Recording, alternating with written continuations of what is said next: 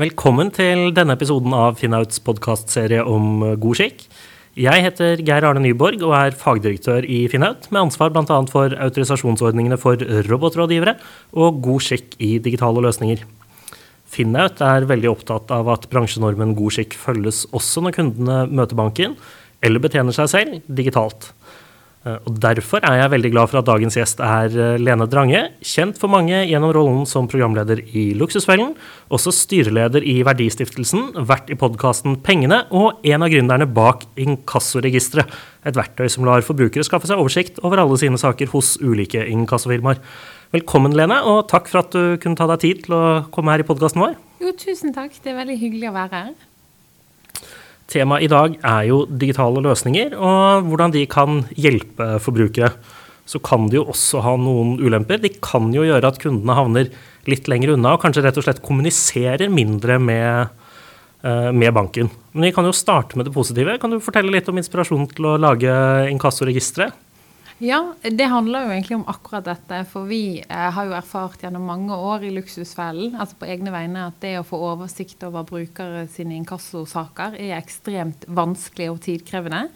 Og dette er jo en frustrasjon vi har delt sammen med Nav sine gjeldsrådgivere. For vi har jo de siste årene reist rundt og hatt en sånn erfaringsutveksling med de, da. Så det er jo estimert at de bruker altså de bruker tre til åtte uker på å hente inn den oversikten. Vi bruker også masse tid, så da tenkte vi når korona kom og vi kunne ikke dra på opptak, hvorfor ikke automatisere dette? Så da har vi blitt gode venner med to eh, fintech-gründere, og vi hadde inkassokunnskapen, så da har vi sammen bygget denne tjenesten. Så nå er funksjonen sånn at du bare enkelt skal logge inn med bank-ID, og så kommer oversikten automatisk. da, At vi har integrert det på API. Og så gjør det også at man unngår en del manuelle feil sant, med å laste opp feil. Så du får også en bedre sikkerhet med det. Så, eh, så jeg er jo veldig for digitalisering, i hvert fall der. Ja, nei, Det hørtes jo uh, kjempeflott ut. Er det Jeg vet ikke helt om jeg hadde fått med meg før jeg begynte å gjøre research til denne podkasten. Har dere mye vanlige uh, sluttkunder eller forbrukere som går inn og og sjekker seg der? Altså Vi eh, åpnet opp for privatpersoner, det er jo gratis for de, det gjorde vi i juni i år. Og så har vi egentlig holdt det litt tilbake i pressen fordi at vi har villet hatt denne basistjenesten opp og gå. For altså de ulike inkassoselskapene, for å få de til å integrere på API Vi har jo ikke fått til alle enda, men vi leser veldig mye nei, automatisk. Og så er det jo forskjell på store og små IT-avdelinger her og der, og det er mye som skal klaffe og sånn. Så vi har liksom prøvd, og vi må både ta hensyn til de til brukere, også til Nav sine gjeldsrådgivere. Men nå begynner trøkket. Eh, vi har allerede begynt litt i media, og så tenker vi at fra januar 2023 så kommer alle til å bli godt kjent med inkassoregisteret. I hvert fall vårt mål. Ja. Nei, uh, og her høres det ut som dere har tatt tak i en av de tingene som uh, digitale tjenester virkelig kan uh, gjøre enklere, og det er jo informasjonsinnhenting. Det ligger jo så mye informasjon rundt omkring i ulike registre om hva man skylder og hva man bruker penger på og, og alt mulig rart, og det kan jo være vanskelig å skaffe seg en, en oversikt. Jeg husker jo selv jeg søkte boliglån første gang før før denne nye løsningen hadde kommet. Og det var jo uh, lønnsslipper som måtte printes ut og skannes i PDF og sendes uh, inn og i det hele tatt. Og nå er det to trykk og en ekstra signering med banken, og vips, så er liksom alt hentet inn hos banken. Så der får man jo gode effekter både for banken og for kunden, da. Mm. Det er deilig, da. Ja. Det er enkelt. Da er det deilig. Det er det jo, men det er jo deilig når det er enkelt. Det er jo ja. det beste som fins, er når det er enkelt. Og i tillegg så er det jo to ting uh, digitale tjenester kan uh, gjøre bedre, gjerne. Og det er jo at de kan være mer nøyaktige. altså Hvis de ikke har feilkilder, så tar de det ikke på hukommelsen. De, de, vet på komma hvilke beløp det er snakk om. Og så går det jo selvfølgelig også fortere. Mm. Så snakket vi litt når vi hadde et lite møte før denne podkasten om eh, hva digitale tjenester kunne bidra med. Og da var du litt opptatt av tilpasningen, altså at ulike kundegrupper kunne ha litt ulike behov for hva de ble møtt med da, i digitale flater. Kan du si litt om det? Mm. Altså, det handler jo om at folk har jo ulikt syn på spesielt privatøkonomi. da. Altså Det er jo veldig mye som favnes av bank-ID og privatøkonomi på den delen. Noen har jo god selvtillit og føler at de kan ting, mens andre er jo helt grønn, hvis man kan si det sånn.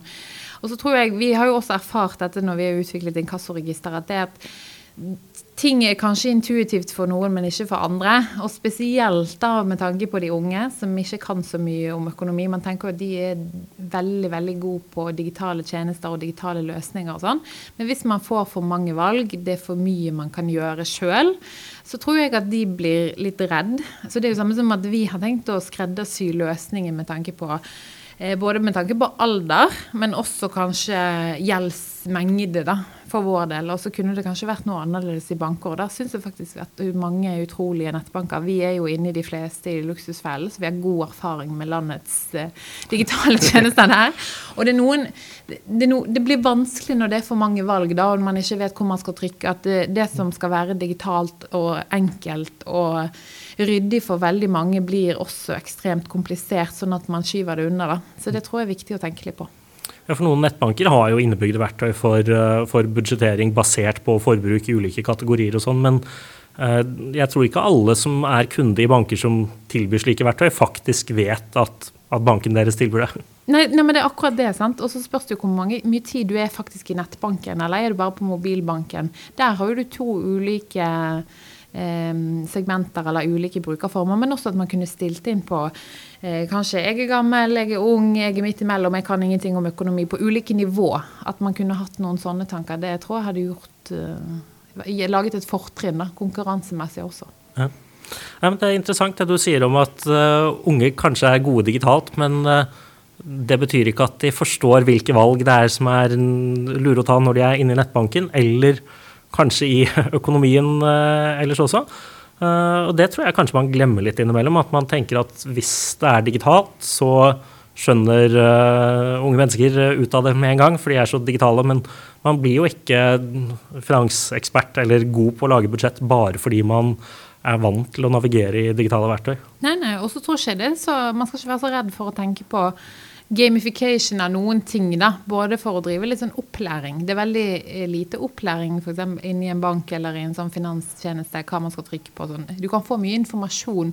Man kan ikke gjøre det digitalisert. Altså eh, kanskje lage litt ulike videosnutter, kommunisere det. Tenke faktisk ordentlig over den retorikken som er der inne, da, for å treffe ulike kundegrupper. For jo, du har jo et annet spekter med de eldre igjen, sant? at de nesten er mm. redd for å falle utenfor. Ja. Eh, nei, vi i Finnert har jo testet ut gamification på, på etikkopplæringen vår. så alle de rådgiverne der ute som er autorisert av Finnaut, som skal ha en sånn etikkoppdatering i år, eller skal vel ha tatt den allerede før 1.12., eh, de har da fått et uh, sånn gamifisert opplegg hvor de først får uh, gjennomgå det. Så kan de da, hvis de har lyst, så kan de prøve å slå sin egen tid eller slå sin egen score. Eller selvfølgelig da også slå scoren til andre deltakere. Da. Og det ser vi at noen av dem bruker uh, ganske mye tid på å prøve å få en god score der, da. Men det treffer jo ikke nødvendigvis alle. Nei, nei, men sant, hvis du treffer noen og de får godt utbytte av det, så er det kanskje verdt det, da. Ja, det er sant. Man trenger jo ikke å få med 100% av kundegruppen for at det skal være en suksess heller. Nei, for det er jo akkurat det som er poenget. Altså hvis Du på en måte, sånn, du treffer jo ulike kundegrupper på ulike måter, og det tror ikke jeg det markedet er ikke utforsket nok enda da. Det er et godt poeng. Men så er det også det med digitale tjenester at um, noen ganger så bør man kanskje fange opp flere. Og én ting jeg har tenkt på der bl.a., er jo dette med muligheten til å, å, gi seg selv avdragsfrihet på boliglånet i nettbanken. Det er jo kjempeflott hvis det har skjedd noe én måned som gjør at du har et veldig midlertidig behov for avdragsfrihet. Enkelt og greit, og du kan løse det selv. Men hvis du f.eks. har mistet jobben eller fått lavere inntekt, eller det er noe annet som gjør at du faktisk sliter litt med økonomien også på sikt, da, så er det jo kanskje ikke så bra at du gjør det selv i nettbanken. For da kunne det kanskje vært bedre at du snakket med en rådgiver i banken som sa at ja, er, er det bare denne måneden det er trangt, eller har du noen utfordringer som gjør at du burde planlegge og se litt på kanskje å forlenge nedbetalingstiden, eller redusere de faste månedlige utgiftene dine på noe annet vis. Det kan man jo gå glipp av. Mm.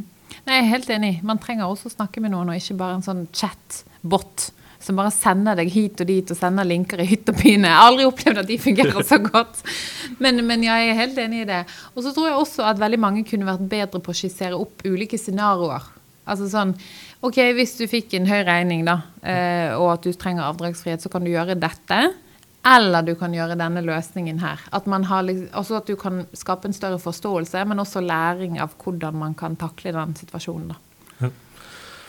Du har jo mye erfaring fra rollen som programleder i Luksusfellen. Er det, er det på en måte noen sånn eh, ting du har tenkt over at dette gjelder veldig mange, og dette kunne vært eh, løst relativt enkelt med denne digitale tjenesten som sa dette til folk i denne situasjonen? Um, det, det, er jo mange ting, men akkurat når det kommer til dette temaet her, så er det jo sånn at eh, vanlige banker, hvis man skal si det sånn, eh, bør jo ta en titt på de ulike nisjebankene, for de er mye mer innovative, de er mye mer oversiktlige. Og så kan man jo heller sette spørsmålstegn med den forretningsmodellen de har, og det produktet de selger. Eh, men, men, det er mye interessant der, hvis man ser på det rent tekniske og den digitaliseringen, og hvor lettvint det egentlig er. Det er jo altfor lettvint, da, men det er jo en annen sak igjen. Men, men, eh, men at grunnen til at de favoriserer de nettbankene og den oversikten der i forhold til de tradisjonelle bankene, det kan jeg godt forstå, da. Eh, og så er jo det akkurat dette med at forståelsen og kunnskapen om hva de gjør, og mangler oversikt og disse tingene her, gjør jo at de havner utpå. I tillegg til at de har en ganske dårlig økonomisk selvtillit, men som egentlig er et resultat av digitaliseringen. Fordi at de de har aldri betalt en faktura på forfall. Det kan de liksom ikke. De har aldri lært det. Og så kan man jo diskutere om det går i arv, eller om det er miljø, eller bare de har konkludert med at jeg var dårlig i matte, så jeg er dårlig i økonomi. For det er det samme. Så, um, men der sant, burde også retorikken vært en annen, og at man kunne gjort det enklere. da. Ja. En ting jeg tenker kan være veldig bra med digitalisering hvis man begynner å slite litt økonomisk, er at det er jo veldig lite skummelt å bruke digitale verktøy for å, å prøve å nøste litt i problemene sine, be om avdragsfrihet eller endre nedbetalingstid og søke om det. Fordi det kan jo kanskje være flaut, rett og slett, å ta kontakt med et menneske i den andre enden, selv om det er via telefon, og si at du nå, nå sliter jeg litt uh, økonomisk. Mm. Tenker du at det er noen som har fått til det bra å lage digitale verktøy for, for den gruppen? Mange mange har faktisk det. Og det er jo det at hvis du ringer til noen, så må du erkjenne både for en tredjepart, men også for deg sjøl at du har et økonomisk problem. Mens eh, hvis du skriver det, så trenger ikke erkjennelsen å være så stor. Så det tror jeg absolutt har hjulpet mange. Men så er det jo Det merker jeg også når jeg holder på på sosiale medier eller snakker med folk som ikke har et økonomisk problem. Bare det der å spørre om å få lavere boliglånsrente syns folk er skummelt. For folk er så opptatt, spesielt unge, da, er så opptatt av at det skal være rett det de skriver. At de ikke skal skrive noe feil. Eh, og så er det jo mange som tenker at de ulike bankene har følelser. Eh, at denne banken var jo så grei og ga meg mitt første lån når jeg kjøpte min første bolig, eller når eh, jeg var gjennom et samlivsbrudd, så fikk jeg beholde denne boligen. At man må ha et mye mer kynisk forhold til banker og de tingene der. Men det tror jeg faktisk har hjulpet veldig med at man kan kontakte de skriftlig eller på gjøre det sjøl i nettbanken. Ja, og lettere også ja, ja. å sammenligne tilbud fra ulike banker, selvfølgelig. Altså skulle man, skulle man sammenlignet ulike tjenester ti forskjellige steder, så hadde mm. jo det tatt en uke hvis man skulle ja, ikke bare, ikke bare, ringt, men i hvert fall hvis man i virkelig gamle dager skulle ta turen fra filial til filial for, å, for å spørre hvordan det lå an. Mm. Uh, men de som burde, burde snakke med noen, uh, men, uh, men, sitter og gjør litt på digitale løsninger, og så ikke gjør, ikke gjør mer fordi de faller av. Altså, hvordan, hvordan sørger man for at disse kundene eller forbrukerne gjennomfører hvis man har en digital løsning for dem? Og det er et godt spørsmål, det er et godt spørsmål, men det er vanskelig å svare på. Nei, altså, jeg tror jo spesielt nå, da, så er jo det veldig mange som sliter allerede. Og det kommer jo bare til å bli verre når man får full eh, effekt av de ulike rente, rentehevingene. Og så får man kanskje en jul som begynner å bli litt på kreditt og sånn. Men så tror jeg faktisk det der å strekke, ikke strekke ut en hånd, men faktisk å ha litt ulike notifications og sende ut litt mail og være litt på, da. Eh, og føle at man faktisk bryr seg om kundene sine. Der er jo de lokale bankene mye bedre enn de større. Så å være litt på på den måten tror jeg kan være ganske bra akkurat nå. Ja, Bruke de digitale kommunikasjonskanalene litt på gamlemåten, som mm. direktekontakt fra en rådgiver? Ja, det tror ikke jeg er så dumt. Og så er det sånn, jeg er stadig rundt hos de ulike bankene på sånne ulike kundekvelder sant, der de har et tema og sånn. Altså, det er ekstremt mange kunder som møter opp eh, fysisk på disse ulike eventene for å da lære om hvordan man gjør det både digitalt, men også hvordan man skal kommunisere med banken. og Ulike ting som man tar litt som en selvfølge. da. For det mange syns det er vanskelig. Sant? Penger blir jo mer og mer abstrakt, det blir mer og mer digitalt.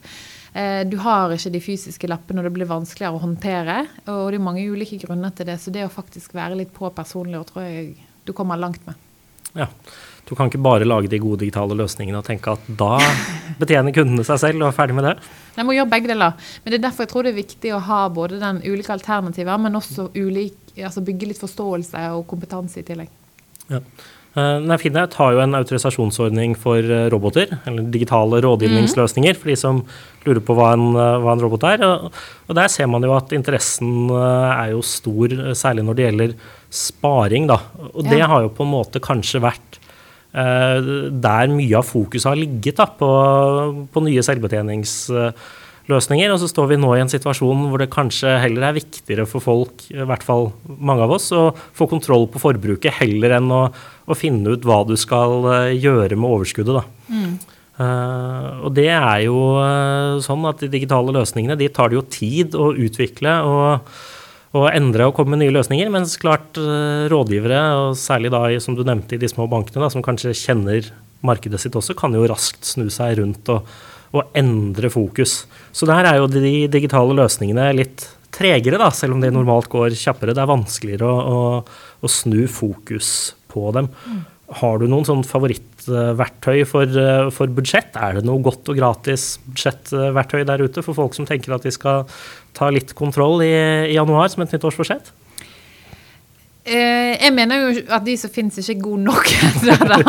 det er derfor, derfor, skal vi lage et inkassoregister som kommer etter jul. Men, men, jeg mener jo at uh, spesielt Nordea har faktisk en ganske god budsjettfunksjon.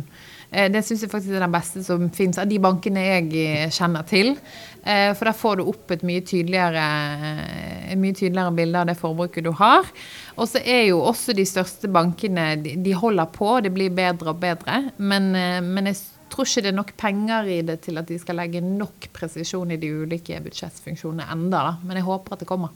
Nei, Så det blir litt for overordnet foreløpig, rett og slett? Ja, sant? og så blir det med en gang knot hvis du handler på et kredittkort, eh, også hvis du har konto sammen med den du bor sammen med, og så er det en felles regningskonto eller felles matkonto, og så blir det bare styr. Ja, da må du inn og manuelt korrigere og fordele ja. beløp. Og, ja. og sant, hvis du handler mye på, på faktura, f.eks., så legger det seg som gjeld, og så er det egentlig julegaver eller klær eller et eller annet. Altså sånn, den, de er ikke smarte nok enda, og de kunne jo vært smartere hvis bankene hadde brukt tid og ressurser på det, men det har ikke de gjort enda.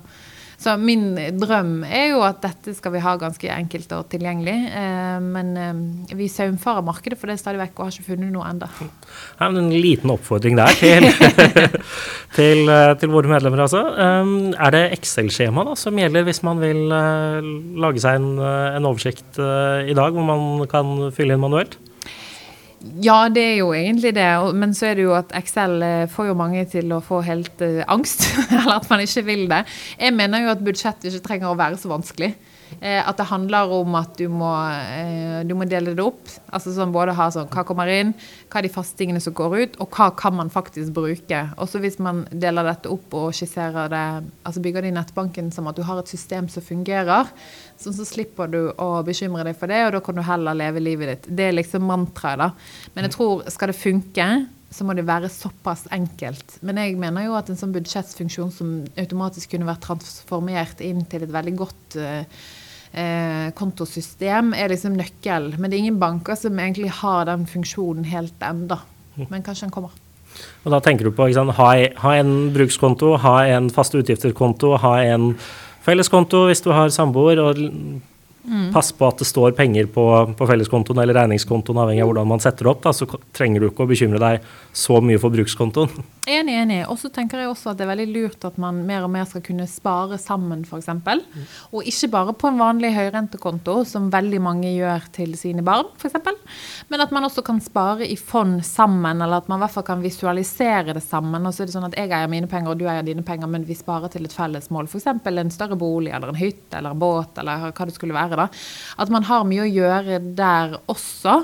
Eh, også at man kan koble to nettbanker enklere og i større grad sammen, da, hvis man har en felles økonomi. Eh, også at man kan gjøre mer også med tanke på egne barn. Der tror jeg det er også mye å gå på for at man skal lære de mer. For det er jo ja. Ja, mange muligheter. Ja.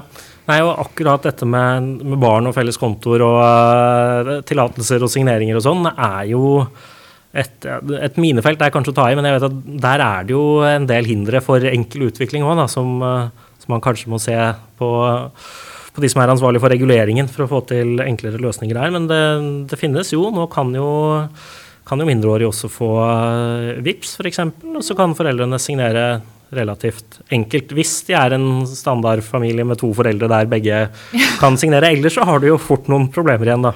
Ja, og det er veldig synd. Men også dette her hvis man f.eks. Eh, til jul eller bursdag eller andre høytider har lyst til å gi fond eller mer eh, pengegaver som varer litt lengre enn eh, andre ting. Sant? Det er ikke bare bare å gi det til barn.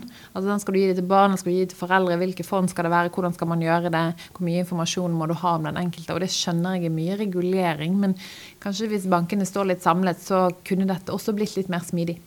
Ja. ja. for Det er ikke bare bare å opprette en konto i et eh, barns navn, særlig hvis du ikke er forelder og skal gi julegaven som overraskelse. Så her må jo alle involveres på alle steder, steg i prosessen for å ja. Det eneste som er positivt med det, er at da må hele familien snakke litt om økonomi, som er bra, da, men på en litt tungvint måte. Ja, men Det er jo ikke dumt å snakke om eh, økonomi tidlig. Kanskje ikke, Det spørs jo litt når man starter med denne sparingen til barn, da, men det er vel kanskje en del som begynner før de skjønner så mye av uh, sparing. Men uh, tilbake til dette med at penger blir mer virtuelle, og at det er vanskeligere å ha oversikt. Det er jo kanskje særlig en utfordring for barn. I hvert fall er det noen som mener det. Altså, før kunne de få kontanter, og de kunne se på dem og skjønne at det ble mindre når man tok noe ut og, og kjøpte nye fotballsko eller et spill til Nintendo 64 f.eks. For, uh, for en del år siden. Uh, Tenker du at det er eh, en stor utfordring, eller er det litt overdrevet? Er det sånn at barn venner seg til å se på tall og skjønner at tallet blir mindre når man bruker penger, og at det ikke er så viktig med disse fysiske kontantene?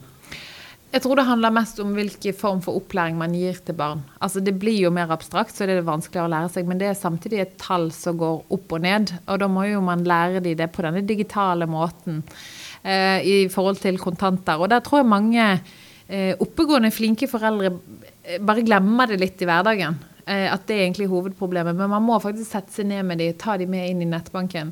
Eh, og det er jo liksom mantra jeg har både for det å snakke for å skape forståelse, for barn forstår ekstremt mye mer om det går bra, om det går dårlig med økonomien, eller hvordan det er. Men også at de hele veien er med, sånn at når de blir 18 år, da får man ekstremt mange muligheter når det gjelder alle disse tingene her, at de er litt bedre rustet da. Så, så, man må bare lære de det på den måten. Og så kan jo man diskutere hvem sitt ansvar det er. Er det foreldrene, er det samfunnet, er det skolen? Altså Skolen har jo endelig fått inn privatøkonomi i pensum. I livsmestringsfaget. De har seks timer av det i løpet av et år. Eh, kan også diskutere om det er nok. Men, men, der er det ofte sett opp budsjett og kontanter og sånn.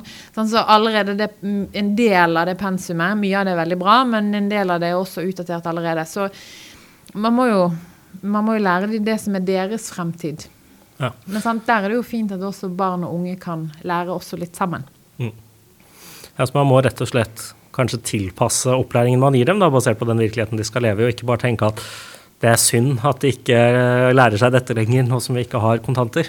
Nei, så, ja, men det er akkurat det. Også på et eller annet tidspunkt så bikker det jo. Sant? At foreldrene blir mer utdaterte enn barna på disse digitale tingene.